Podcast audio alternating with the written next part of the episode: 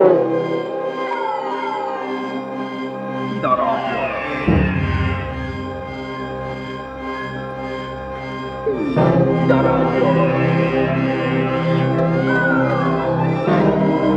Ida.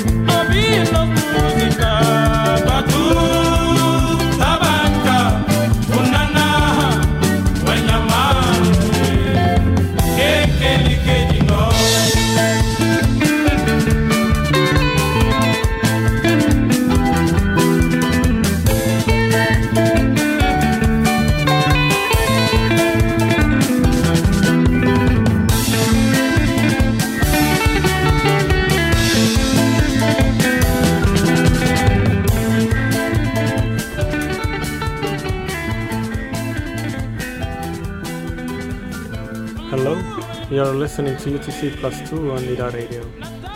Our guest tonight is uh, anthropologist from uh, Finland currently and Tallinn, uh, Francisco Martinez. Hi, Johan. Uh, we've decided to uh, not follow a, a strict academic interview, but rather uh, focus on different themes and, and whatever comes up related to anthropology, art, boundaries, precarity, what else? Before before coming into the radio, I, I said to Johan, like, please don't take your notes to the to to the program. Let's let's be more spontaneous because otherwise it's uh, more dynamic and interesting for the audience and also for ourselves. Yes, because the last time we we talked uh, for, the, for this show was uh, almost a year ago after a long uh, conference, and that might have been a bit dry. It was very dense, very dense. Uh, it was also with Patrick, and I remember I, I was talking a lot, and Patrick was talking too little. And um, at that time, there was a there was an anecdote as um, when I got the, the award as, as early career scholar of the year by the European Association of Anthropologists. Uh, Eeva Kesküla posted on on Facebook on, on the Facebook page of the um, Estonian uh, Association of Anthropologists Estonian Community of Anthropologists um, a photo of myself receiving the award and, and being called um, the Estonian anthropologist. And today you call me the Finnish anthropologist. And I myself, I was born in, in um, Spain and, and I got my education also in, in Russia and in Portugal. And indeed, this song that we listen to is, uh, is by Bulimundo, it's a Funana by Bulimundo, which is a band from Cabo Verde that my friend uh, Bruno discovered to me. There are two great bands uh, in Cabo Verde, Os Tubarões and, and Bulimundo from late 70s, early 80s. And of course, the, like Orlando Pantera later, and Mayra Andrade, and Cesaria Evora, and so on and so on. Yeah, so I think it's only appropriate to continue with the question of where to next. Is, is there going to be a new country added to the list, or since you said the Finland position is soon over? Uh, yeah, I feel I am collecting peripheries, and in a way, peripheries are infinite. Um, um, my contract in, in Finland is ending, and, and I, uh, I am in the moment. At the moment, I am applying, and I did some interviews, um, which is has become part of of the condition of being a scholar to prepare research applications to apply for jobs, which is a job in itself. And one of the consequences is that the time for for um, doing field work is reduced, that the time for writing is is more intense and has to be defended because there is always some uh, some uh, distraction. Um, and also the time for collaborating.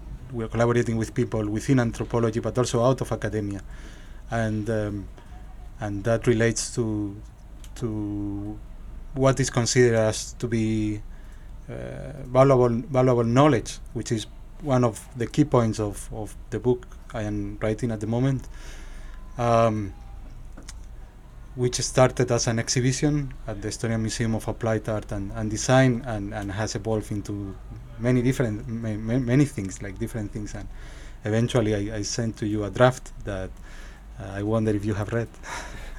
yeah, I've, I've read the draft and uh, I think a very poignant thing you, you mentioned towards the end is that this this book you're writing will probably raise more questions than than it's gonna answer. Um, but I, I'm going to raise another one is to you as, as an anthropologist is art a getaway or, or is, is working with art and curating uh, and uh, um, these collaborative projects is is that something that you see as a as an equal to the academia, or is it is it the getaway from this rigid system? Well, the, the project started as part of uh, of my, in a way, as as a continuation from my practice of collaborating with artists and curators, in the sense of, of for four or five years I have been invited to write to uh, art reviews, to write for catalogs. I have curated myself some exhibitions that were like rather playful um, and then I, as, as I managed to gather some funding um, and stability, professional stability, I thought of, of organizing a big exhibition myself and transform the museum into a field site. But like um, as if it were a, a river song, like one of these long songs that last 10 minutes and start in one point and end in a very different land. Um, something similar happened to, to my project because from art, from, from putting the focus on um, art and anthropology. It evolved on what does it mean to collaborate, and then later to objects, and then later to um, what is a discipline, what characterizes anthropology as a discipline, and finally, which is perhaps the latest part of the book, um, what is knowledge? And what characterizes knowledge? And who defines what is knowledge? Like practitioners of course. But uh, what about the knowledge that is uh, hard to transform into into language into information into into something to be published as a, as a paper? And that relates to to the previous comment about uh, defending our time but also creating our own notion of valuable knowledge because it seems to me that anthropologists have lost the capacity to define or they are losing of course uh, let's not be dramatic. They are losing the capacity to define what is valuable knowledge for us as prac- practitioners because of the influence of these impact factors because of the influence of uh, institutional ways of calculating what is relevant or not conditioned by the current neoliberal academia, which is uh, based on on on project projects, short-term um, and, and short-term uh, research applications, and, and in which one has to to write what the the jury have uh, like wants to listen, um, and like providing all sort of hypotheses, all sort of methodologies, all sort of jargon and conclusions even before starting the research and that gives also like little chance for for open-endedness, little chance for experimentation. So it's also a reflection of what is lost, what is being lost by by this way of uh, institu- institu- institutionalizing our, our practice. Ha- having uh, visited the exhibition and, and uh, I managed to come there as, as you were doing the uh, the curated tour of the last day of the exhibition and, and now reading the, the manuscript. You talk a lot about uh, crossing these borders and having a, an open-ended process but then you also say that anthropology is losing this uh, their capacity to uh, name their fields or kind of fit in in the places. It, isn't it slightly controversial that we're trying to be open-ended and fixed at the same time or or is that the strength of, of anthropology that we can kind of be confined and and uh, and and open at the same time like these bou- boundary objects that you mentioned in the book? Yeah, we, we tend to identify disciplines with uh, clearly defined territories. So here starts like the discipline of sociology, here of anthropology, and these boundaries are of course socially constructed, and they have like different uh, justifications, historical ones, traditional one, a matter of uh, institutionalization, way of gathering funding, way of legitimizing what we do. Um, like finding our genealogy, like our tradition from where do we come, etc. Um, but it seems to me that contemporary challenges require also like to contest like both like are these boundaries still pertinent? And what do we gain and what what is lost by defending them? And what if we are like proactive and um, like challenges these challenging some of these boundaries because at the end we all need some ground. But even like the notion of ground and the notion of field as, as located can be questioned um, there is an anecdote in like related to my to my exhibition which was in, in a party uh, because that is one of the beautiful things of doing field work with time in, that it doesn't end. Even if if you are in a party having a drink someone can come to you and start talking about uh, your research which in my case my field was the museum was an exhibition. And there was this designer Martin, pa- Martin Pärn like relatively known here in, in Tallinn who came to me saying like I have visited your exhibition three times and I had the feeling that you have entered uh, into my kingdom but with different rules. And and then like the conversation like um, continue like rather chaotically because I asked him like wait wait wait this is very interesting. I will take my phone to take notes. And then like in the meanwhile we were drinking gin tonic and like conversation went through like um, unexpected paths but the, the notion of my kingdom with different rules like brings like more questions than answers. Like um, am i a colonizer? Am i colonizing uh, your territory? Am i extending the territory of what's possible in anthropology but that means that that you feel threatened by what i do? And who is the king? And who is setting up the rules? Um, so I try to answer to all these questions in, in the book um, as they came because uh, the book was written uh, while the exhibition was still up and I was still getting um, um, feedback. In in this sense, uh, there are like the, the, the, the book in itself, and it has been rejected already by by academic an academic publisher because of not being academic enough, and that in a way was a, a trophy for me, like something something good. I am doing something well uh, because I am being excessive. I am challenging what is considered to be academic um, by by hands-on practice, like by by by selecting where do I publish it, by the creative writing, as there are no chapters but there are like short sections, as um, by by creating a common ground between designers, uh, contemporary artists, curators, and museum workers. So, is this an anthropological book? Is this a manifesto? Is this a, a cookbook for for how to cook art and anthropology? Is this uh, uh, a thing in itself, an object, as the, the exhibition was about objects? Um, and it was fun, and it was fun to to to write it, and I hope it's, it's also fun to read because that was my one of my key purposes that people with no background in anthropology can can read it.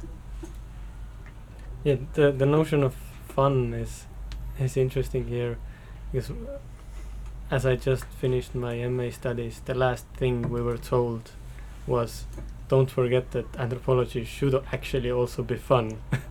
so you, you keep studying it and you, you keep learning how to be very rigorous in our academic and theoretical uh, analysis, but then it's natural that you would want to break free from it somehow. Um, and art seems to be the thing that anthropologists are drawn to. Is, is there a reason? Could there be a reason? Um, I am not sure, and like contemporary art practice is as fun as it looks from from outdoors. Um, in, I, I started this this project after like curating five small exhibitions. I started like this project also with this playful attitude, and soon I was told like. Um, Francisco, you cannot pretend you are not a curator anymore, that you are just like having fun. You got 10,000 euros for your exhibition. This is a state museum. There are 47 people taking part in this. So please assume your responsibility and, and uh, accept your institutionalization as a curator. Um, at the same time, uh, one of the things I learned uh, by curating is that curating is even more tiring than fieldwork, that one has to multitask. Um, um, in a in a high standard way and be able to raise funding, to communicate, to be a PR, to be a management, to be kind of fire worker, to, to gather materials and tools, to go to Bau, Bauhof and, and, and buy all kind of FIBO blocks, and, and to coordinate among very different people with very different egos. Um, and on the top of that is highly competitive and with little money, relatively little money by the amount of of work behind, to the point that who was it? Someone at the end of the exhibition told me, perhaps the director Kai Lobjakas asked me, so what is when when is your next exhibition or where is it? And I respond like, at the moment, I will say that I won't never curate any other exhibition because it's overrated. Overrated the amount of work, overrated the fun because it's not fun, and overrated the little money that one gets by, by doing all, all this. Mm, Why do you do it? In, in my case, I I did it like um, uh, as a form of field work. I mean, of course, there is the learning process that you want to understand something you want to learn, so you do it. Is that's that's part of participant participant observation, which is a key methodology for anthropologists. But also, um, I did it um, as I was uh, interested in, in knowing more about collaborations among, I mean, with people who have very different background, about experimentation, about, I mean, if you read all these books of um, anthropologists writing about art, so they, they rather write in a, in a very dry way, um, like commenting on artworks, commenting on artists, like name dropping, or, or inviting artists to to make more visual, like uh, visual, uh, their field work and their findings. But I wanted to act myself as an artist, as a curator, and as a designer, and and find the limits of my own knowledge, or even like face the need of uh, unlearn all these anthropological masks and rituals that I have developed, and, and, and in many cases distance myself from from other people and, and even from reality, as as writer Witold Gombrowicz um, said in this beautiful novel uh, Ferdydurke. This uh, unlearning seems to often happen not not through a conscious process of, of uh, stepping away from something, but rather from failing at doing something else, which uh, is a, I would say, a big theme, at least in the manuscript that that you sent me, both from the artist's perspective, from your own perspective, and, and not least the, the Bauhaus experience where you had to get the different blocks because.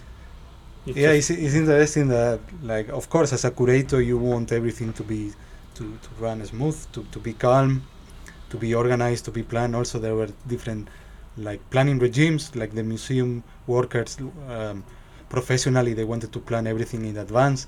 And some of the artists and, and designers like were uh, leaving everything for the last minute or were like risking more. Um, and i have to say that at the end like for an anthropologist uh, there is more there is more to write about those who fail and about those who, who question your project than about those who, who make it easier. And I can give the example of, for example, uh, Hannes Praks, the the designer of, archi- the, of the interior architecture, and also Camille Laurelli, this this French arti- French artist. Um, and I describe different episodes in which um, they were they they were acting as um, as what we anthropologists will call trickster. They were appearing and creating chaos and then disappearing, and and like great part of the book uh, describes this kind of of uh, of uh, my natives because I consider uh, these 47 people with whom I work as my aboriginal people, and we can talk about it how the field of study is not anymore in Papua New Guinea, but is there uh, around our corner if we are able to problematize uh, and, and make a stranger the, co- the quotidian and problematize what is what is uh, our home, so to say, what is around us. Um, so my natives, which in these cases were the 47 people with whom I work, were some of them, like for example Hannes or, or Camille, were questioning my work and, and were like rejecting to collaborate, but at the same time being part of the project. And this kind of challenging dynamics were very fruitful in order to to uh, learn um, what is possible, what is not, in which way is is meaningful a collaboration or not, what does it mean to be a designer or an architect or an artist, and and that that was learned by pushing situations to the limit, but to the limit to the point of uh, making the the exhibition almost not happening because of not meeting the the deadline, and that was one of my differences, one of the differences between me and the rest of participants is that the exhibition had to be open on a certain day at certain with with uh, certain standards because there were like a series of institutions paying for the paying paying for the exhibition and and, and, and providing funding under my name or and I was responsible for that while many of the participants had different notions of responsibility. So the book mostly talk or also talk talks about these these different competencies and different notions of responsibility this responsibility, al- although you say it's it's slightly different from from a let's say ordinary anthropological work where where you have to follow both your academic rules and kind of try to be fair to the to the interlocutors and the field. What you just say sounds very similar that you ev- even though the re- responsibilities are different in the end as as you become this curator that people tell you you can't play a curator anymore because now you are you take on a very similar responsibility that that you actually have to follow these new rules. You've, you've lost the anthropological rules but new rules have have come in in their place. Is is that so? New rules um, which are nonetheless um,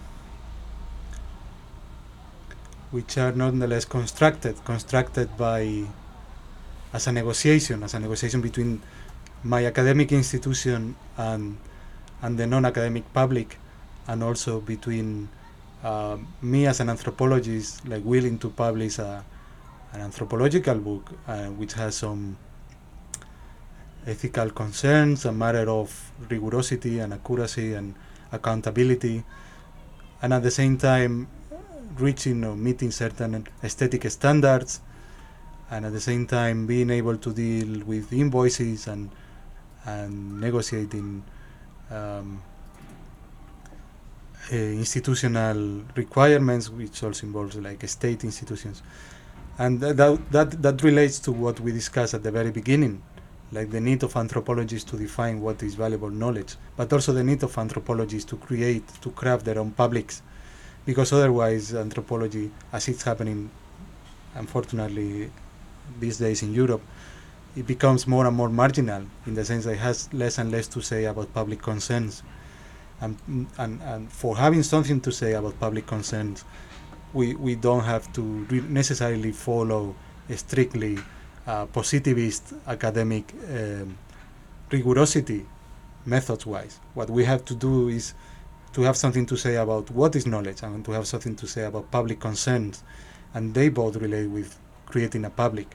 And creating a public um, means reaching people who were not expected to be reached by an anthropologist. And that is why it makes sense to organize an exhibition in, in a museum of applied art and design, because usually who go visit this museum are not uh, professors or are not uh, uh, university managers or whoever, are like, so to say, common people with tangential interest. And that makes a difference. And that, that, that, many, that, that helps to reach um, and to vehicle like ideas beyond uh, beyond the the academic glass box, which often instead of a glass box looks like a castle. Rather than, than asking you if, if we if anthropology can move outside from this glass box or a castle, uh, since we're sitting opposite to a playground, and in in the manuscript you also uh, talk about children a bit, your your own son, but also that uh, some exhibitions are more accessible to children, even if they're originally intended to be uh, interesting from uh, for adults. So can anthropology also reach this this um, how to say public of children or, or of young people I believe that the question is not if anthropology can or cannot. It's like the question will be, in my view, um, are we still comfortable being marginal, or we aim at having something to say about the world, something to say that that can make a difference, like eventually or potentially. Um, and I believe that in the last years, like we have become like too um, comfortable in the defeat, we too comfortable uh, in the margin. And I am myself very interested in margins, but margins in order to transgress the center, not in the sense of accepting our defeat and um, playing in the little corner where we are left, which is, I believe, what is happening nowadays to anthropology in Estonia. Is it is it only Estonia or is it is it elsewhere is it uh, a European thing or Uh, I would say that this is a is a rather European phenomenon. Sadly, as as we can see what's happening in many countries, nationalism-wise and, and populism-wise.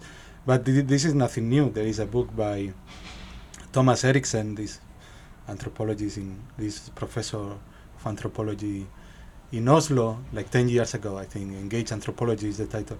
Who he, he was already predicting this, so it's nothing new.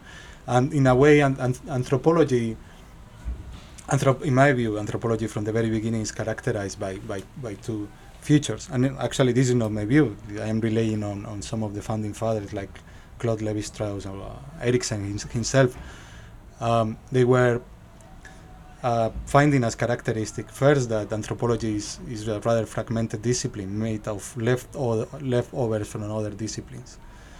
So to to establish a defensive uh, boundary of this is anthropology, this is not, uh, or trying to find some uh, pure blood uh, anthropology is uh, rather delusional. And the second one is. Um, um, um, maybe we can continue with uh, with the same kind of topic by including teaching into this uh, because w- these boundaries are often created by these uh, long-lasting tradition traditions in many many of the big name universities. But you, as as you are interested in in these marginal places, how how do you think? teaching anthropology or, or this pedagogical way of thinking about anthropology fits in here. Well, that, that relates to the second one that I, that I was about mentioning, which is uh, exceeding its condition of possibility, in the sense of always trying to extend the boundaries of what is possible to do, but not in a way that is colonizing, but more in a way that is extending the imagination of what is possible to do or not, or what is countable as knowledge or not, what the anthropology that was considered, that was practiced 50 years ago, um, had different conditions of possibility than the contemporary one and that relates also um, to teaching. Um, um, in my view, the, the teaching um, has to relate to what we know, has to relate to the personal uh, trajectory of students, what they know, what is their interest, what is their master thesis about, and at the same time, and this is a personal taste, of course, but at the same time has to be uh, hands-on and it has to be engaged with contemporary matters. Um, is thi- this is one of the things that differentiates anthropologists with uh, historians, for example. Uh, historians go to the archive, go to the library, and find documents. Anthropologists create their own documents. Anthropologists construct uh, the field site, construct um, relationships, construct trust and confidence and based on that they, they produce knowledge. Um, and that has to be echoed in, in the way we teach anthropology also. Um, thinking about history brings me back to the to the exhibition a bit when when I compare design with anthropology or, or try to compare because design is focused on the future a lot. It's it's focused on, on what could be while anthropology often is not so it hmm, it sticks in the present quite often maybe maybe too much. Do you think art and design could uh, could help anthropologists think more about the future or, or is is that something that you're interested in as well to, to use these artistic practices to imagine and and uh, figure out new ways of, of making connections in principle everything is interesting or nothing is interesting. The point is for what? The question is for for whom and for what? Like what what is your point? What is in which way to collaborate with with uh, Camille for example can be useful or not? And perhaps we can even question this notion of instrumentality of usefulness and and, and think the um, the the museum as a platform and, and the exhibition itself as a platform for experimentation for meeting uh, with people with, who have different background. Um, and this is this is something also that um, in my view is intrinsic to, to the field site. Um, and also difference anthropologists from sociologists is that the way we carry on interviews is less instrumental and, and, and like um, it consists more in spending time with in um, immersing ourselves in the in the site um, it consists in um, in deep hanging out. It consists in, in in getting lost. While sociologists and this is not a critique this is a description sociologists rather tend to gather like simplistically let's put it this way to gather focus groups and make uh, qu- um, and present questionnaires and and um, make instrumental interviews and then produce knowledge often quantitative based on these samplers which is totally respected and in many cases interesting but um, trying to think of different methodologies instead of different uh, kingdoms of, of disciplines uh, one of the one of the practices that differentiate anthropologists from other from other uh, disciplines and practitioners is uh, fieldwork. And fieldwork can be practiced in many different ways and in many different places and, and moments. Um, like Tim Ingold was highly criticized, has been highly criticized by this polemical couple of articles published in, in HAU about uh, anthropology is not ethnography, anthropology is wider than ethnography, ethnography is simply uh, a way of describing uh, settings, um, and even fieldwork is wider than ethnography.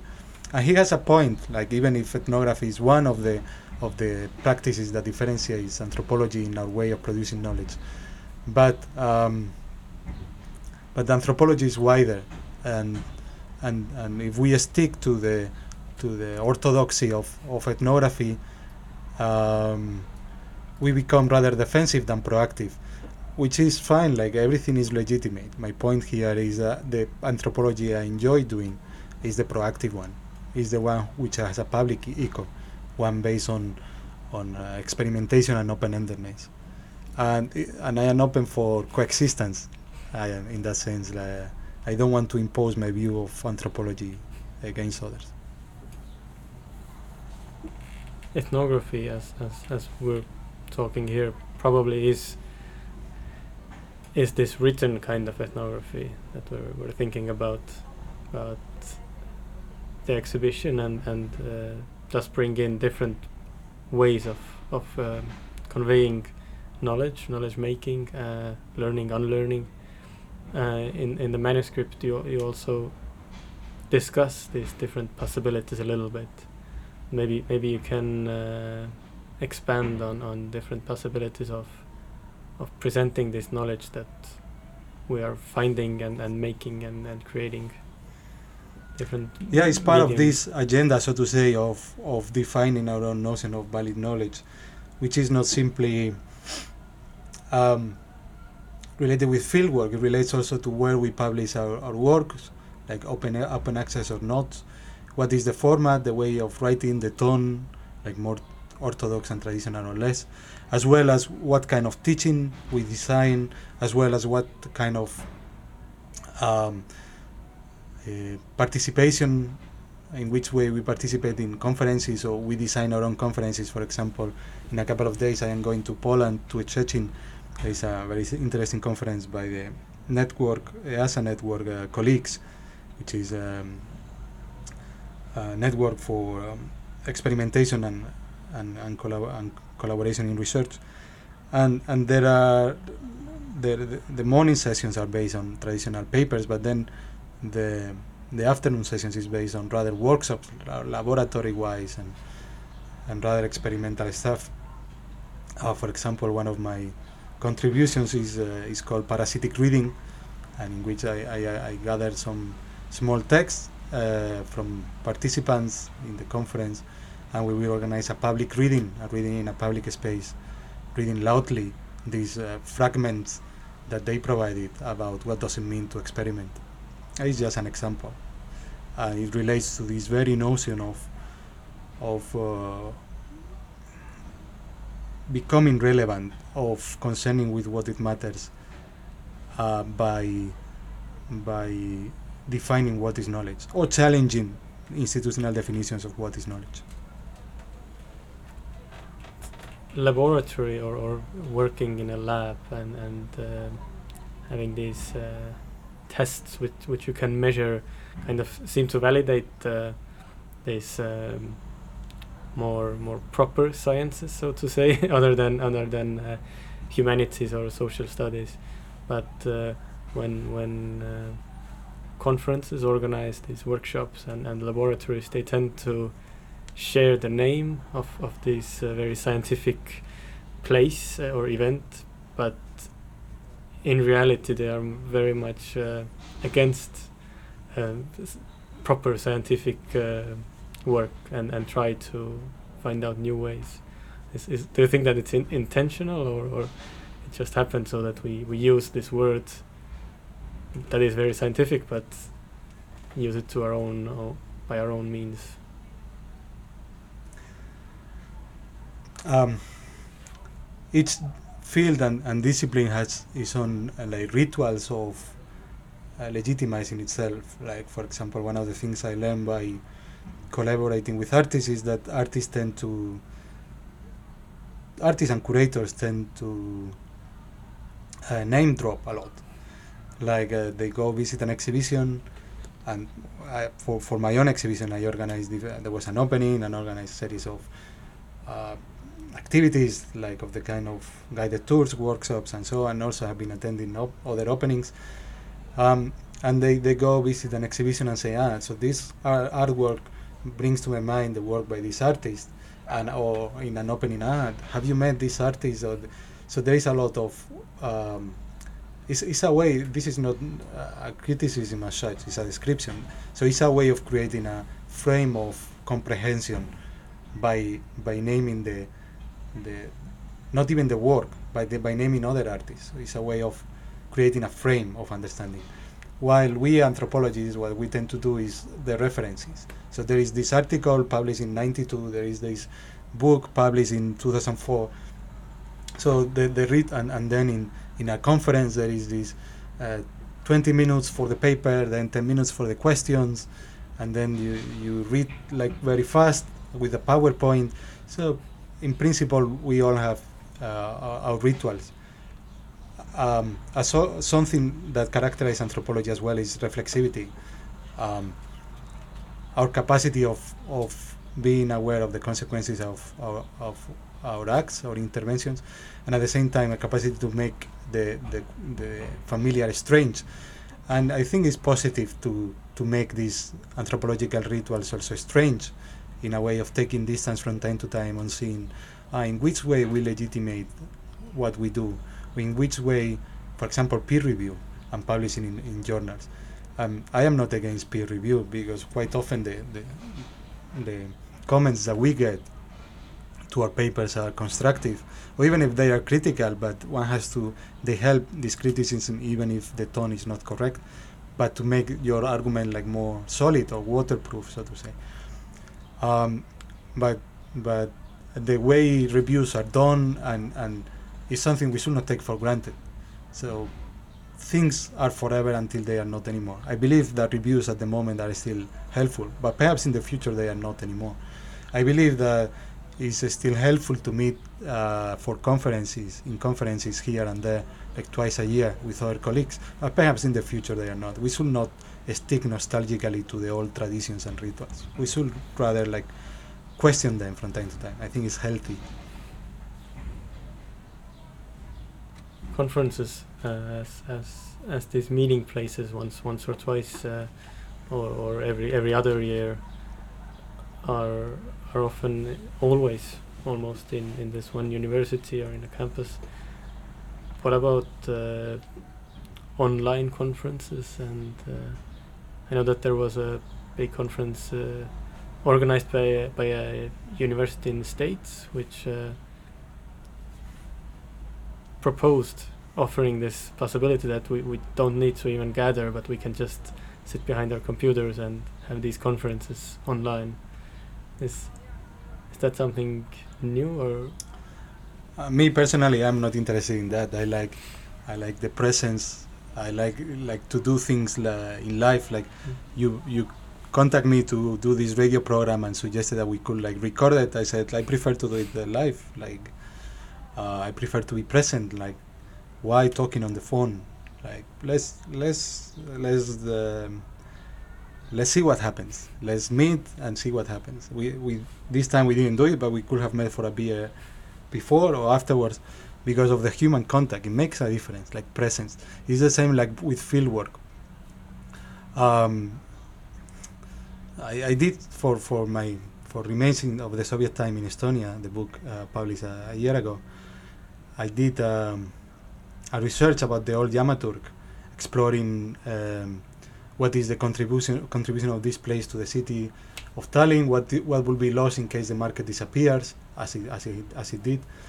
Um, and that research was possible because of a series of of uh, elements, and one of the elements is because I was living in Tallinn and present and spending time with the informants to the point that there is some sense of excess and obsession, as for instance, to jump over the fence and in the evening, and and willing to feel the market at night when there is no one, and at some point the alarm rings and and the the guards come and all this risk is part of doing fieldwork. It's presence. It's like there's some sense of excess, some sense of obsession that is part of doing fieldwork. You can call it ethnography, participant observation, uh, multimodal research, whatever. What makes a difference is how do you, how you implicate yourself in the topic, and that that is rather experiential, embodied with the senses. That is, I, I guess, something that when anthropology is, is ever attacked or, or um, judged, that this is the defense speech we give, that it is, we're there, we're doing the field work, engaging with, with the people, with the spaces and, and things and objects. But let's let's not defend ourselves. That Yeah. this defensive strategy is obviously not working. Let's be rather proactive.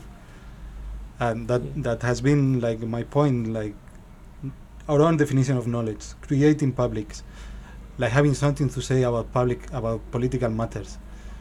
Um, and and then of course the the the empathy, the human touch, the as Tim Ingold said, like, uh, and I am not specific, uh, like, truly uh, fond of Tim Ingold, but in this program, it seems I am an advocate of his work. But like, uh, anthropology is philo- philosophy with the people in, and that's it. Like, we we our, our magic card is the access, the intimate, confidential access that we had to human interactions that sociologists don't have, philosophers don't have, archaeologists don't have. So let's play our magic card. That's it. That's that is what makes a difference between us and the rest. I'm reminded of, of something in, in the manuscript again about uh, that it's easier to know or easier to find out in, in doing field work what people know than to find out or to have the courage to say what they don't know. Does that play into this proactive approach that, that we should could or, or would um, also dare to talk about these things that we maybe academically can't really because you, you you can't justify saying that they don't know that without without sounding colonial and and um, objectifying. Well, the question of of facing our limits, epistemic limits, um, and like engaging with what we don't know, um, is truly difficult and only comes up at the end of of of our research, in the sense that we produce knowledge based on the knowledge of other people. Let's say if we study carpenters we produce knowledge based on the knowledge and skills of carpenters by participant observation, descriptions, blah blah. But there is a moment that you identify with the carpenter and realize that I am not able to do what, what this guy is doing. Um, let's observe apprenticeships. So this younger generation is learning what this guy is doing. How will it be me doing what they do? So this kind of sense of facing the limits of what we know, and perhaps this uh, example of the carpenter is not the most illustrative one, but that's what I mean. Like, um, when you face the limits of your knowledge, you realize what you don't know. It means you are doing something well. It means that uh, you have something to say about a certain topic, and of course that that also entails the um, cathartic. Um, experience of, of doing ethnography or doing fieldwork, which is you transform yourself because you know more about yourself. It's, in a way, there are some similarities between doing fieldwork and, and doing uh, psychoanalytic therapy. There is something uh, strong uh, retroactive learning analysis about yourself behind. To slowly start summing up the session, mm, I'll, I'll come back to the notion of exhibition and and or and museums and uh, these classical anthropological museums as as objects of long gone civilizations and groups of people. Do you see a new anthropological museum or or an exhibition that is based in or, or on anthropology? Is that something that is even necessary or? Um, I have no answer for that, or at least I haven't thought about about the, this question in these terms. Um, in there, there, there was a, a professor of aesthetics of Aalto University, Max Ryynänen, came to visit the exhibition, and then he wrote later to me on Facebook with mm, like two comments that made me think a lot. The first one is uh, that there was something archaic in my exhibition. We are talking about an, an exhibition organized in 2019, and he was comparing my exhibition with the cabinets of curiosity of the 17th century, which is uh, at the at the origin of anthropologists, in the sense of anthropologists going to um, New Zealand, Papua New Guinea, or wherever, or Ghana, and bringing uh, bringing masks and bringing objects to at the British Museum in London and saying that this is how these people are, this is how these people live. So in the sense of the object explaining supposedly like identities and, and, and ways of living by uh, by being by, by being present in the sense of uh, non-verbal uh, direct way of of perceiving these these uh, cultures far, far far away. Um, so there was something also like a presentational in my exhibition, something like non-verbal that that was reaching. I, I hope like um, um the infra knowledge, knowledge that cannot be explained with words. And the second comment by Max was uh, um, my exhibition was dissembling that I managed to create an assemblage of of objects and and the space and, and, and space and time experience because uh, Hannes designed uh, a very powerful wall for the for the room etc. But at the same time, all these questions, all these uh, objects, what they were doing is to function as a question, to dissemble what we know about political matters, even like the what we consider as politics. Um, and I also I also enjoy this comment. Like, yes, you got it. So I am not even I am not willing to cement any knowledge. I am willing to object to what we know. I am willing to reduce distances between uh, public problems or certain like challenges. And we didn't have time to, to describe the objects. And, and uh, actually, the, the project was based in the invitation to 10 artists to transform an everyday object into a political question. But, but I felt that in this case, Max uh, not only got the meaning of, uh, of this project, but also was able to make me think back uh, about um, the, the nature of, of the exhibition. Yeah, and I think with this we can sum up the the show with a with the last song. Um, thanks to Francisco for coming to the studio. Uh, we're working on the song and uh, Thanks, Johan. It's been a pleasure, as always. Thanks to Ida Radio. And um, glad to to present my work here at home in Tallinn.